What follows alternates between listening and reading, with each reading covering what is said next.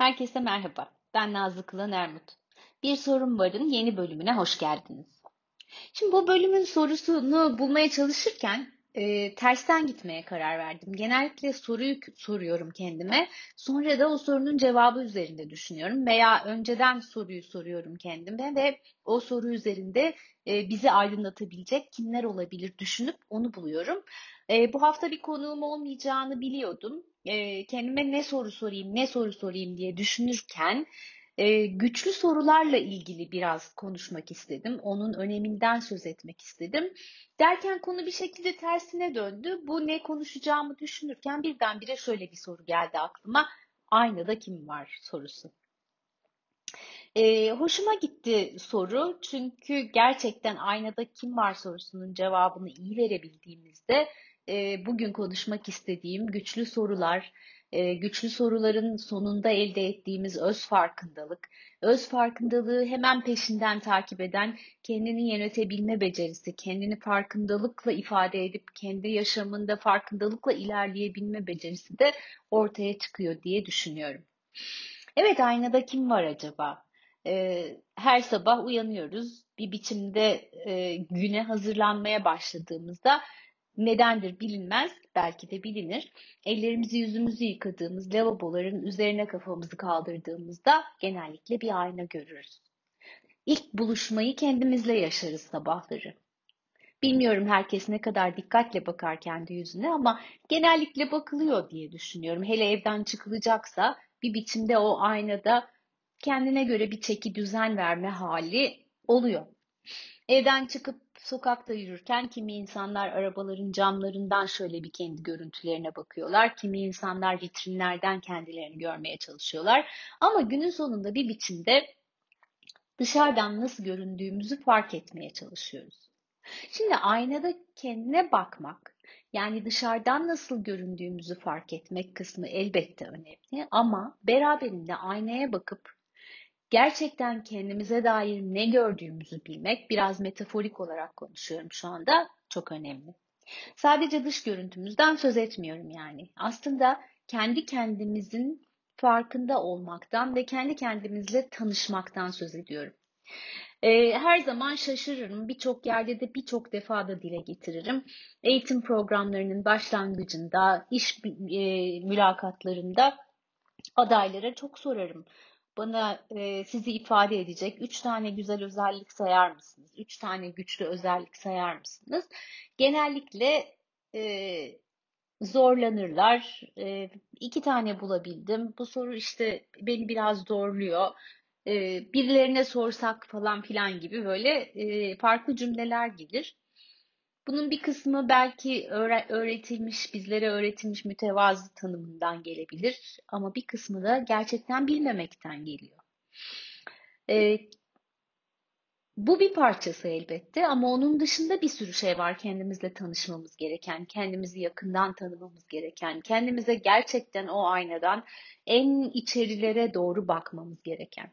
Şimdi sorular çok önemli araçlarımız e, beynimiz öyle bir sistemle çalışıyor ki ona güçlü ve açık uçlu bir soru sorduğumuzda o sorunun üzerinde düşünmeye başlıyor. Hemen cevap çıkmayabilir ama düşünme süreci devam ediyor, devam ediyor, devam ediyor. Çok sevdiğim bir benzetme vardır bu konuyla da ilgili kullandığımız sıklıkla. Ee, mesela bazen olur hepimize bir şeyin, bir yerin, birisinin ismini hatırlayamayız bir türlü. Ama öyle de bir histir ki o hani şöyle deriz dilimin ucunda. Hemen geri verecekmiş gibi gelir bir şekilde aklımıza. Ama sonra bakarız gelmiyor, onu bir kenara bırakırız. Fakat içerideki süreç işlemeye devam eder biz bıraktık zannetsek bile. Sonra pat diye bir anda hiç olmadık bir yerde o aradığımız sorunun cevabı hemen önümüze düşüverir. Hatta benim öyle çok enteresan da bir anım olmuştu bir defasında. Ee, benim çocukluğumda e, Üç Yalancılar mıydı? Öyle bir televizyon programı vardı. Orada bir sanatçı vardı, değerli bir sanatçı. E, beyefendinin adını bir türlü hatırlayamadım. O zamanlar çocuktum tabii ki ama şimdi büyümüş halimle hatırlamaya çalışıyordum. Şöyle birazcık kurcaladım. Baktım olmuyor. Bıraktım bir kenara ama o böyle kaldı sanki içimde. Üzerinden epey zaman geçti. Belki ay geçti.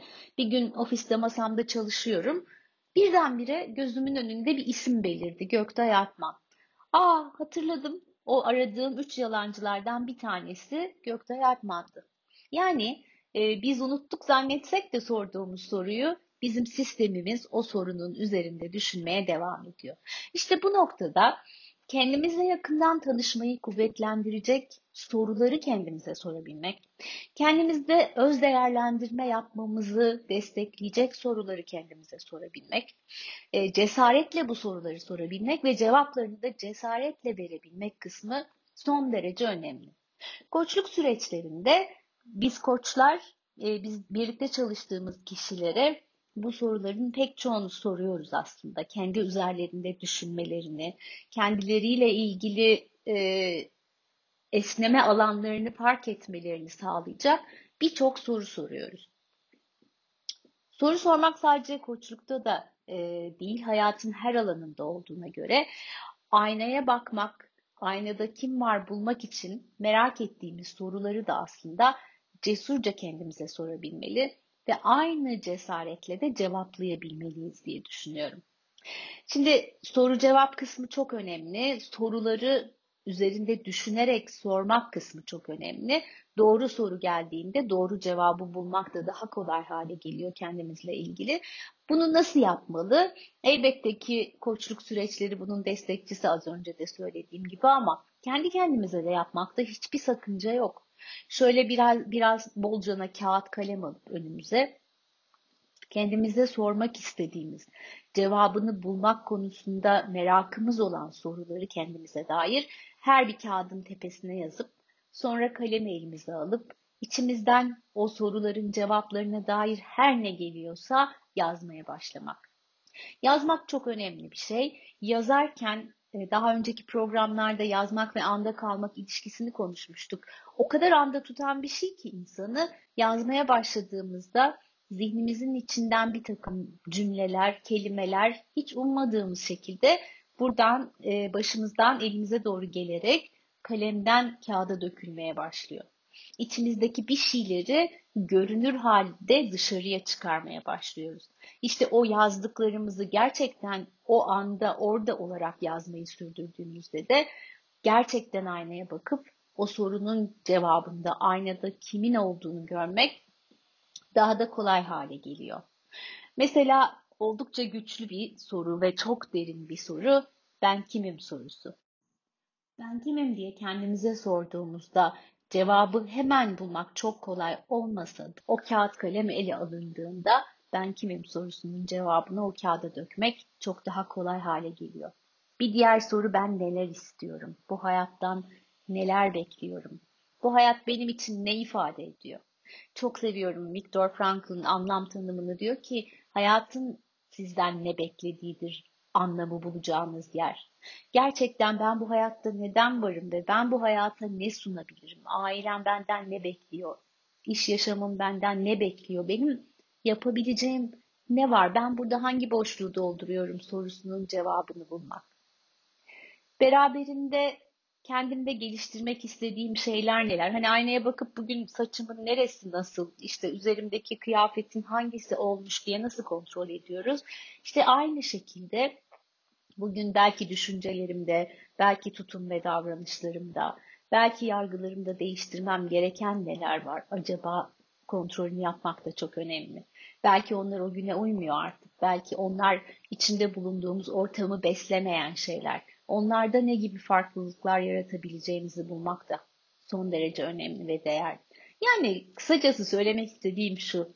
Her ne kadar bir bütün günü birlikte geçiriyor olsak da kendimizle, kendimizle uyanıyoruz, kendimizle yaşıyoruz, yiyoruz, içiyoruz, çalışıyoruz, geziyoruz, eğleniyoruz, akşam oluyor yatıp kendimizle uyuyoruz. Acaba kendimizi en yakınımızda, en çok sevdiğimiz insanlar kadar iyi tanıyor muyuz? Bunun için gerekli mesaiyi harcıyor muyuz? Kendimizle ne kadar vakit geçiriyoruz? E, kendimize ne sıklıkta sorular soruyoruz? Bunlar bana kalırsa son derece önemli şeyler. Evet, ka- kağıt kalem önemli, sorular önemli. E, soru sormaya kendimizi alıştırmak da çok önemli. Ee, ben soruların büyüsüne çok inanıyorum.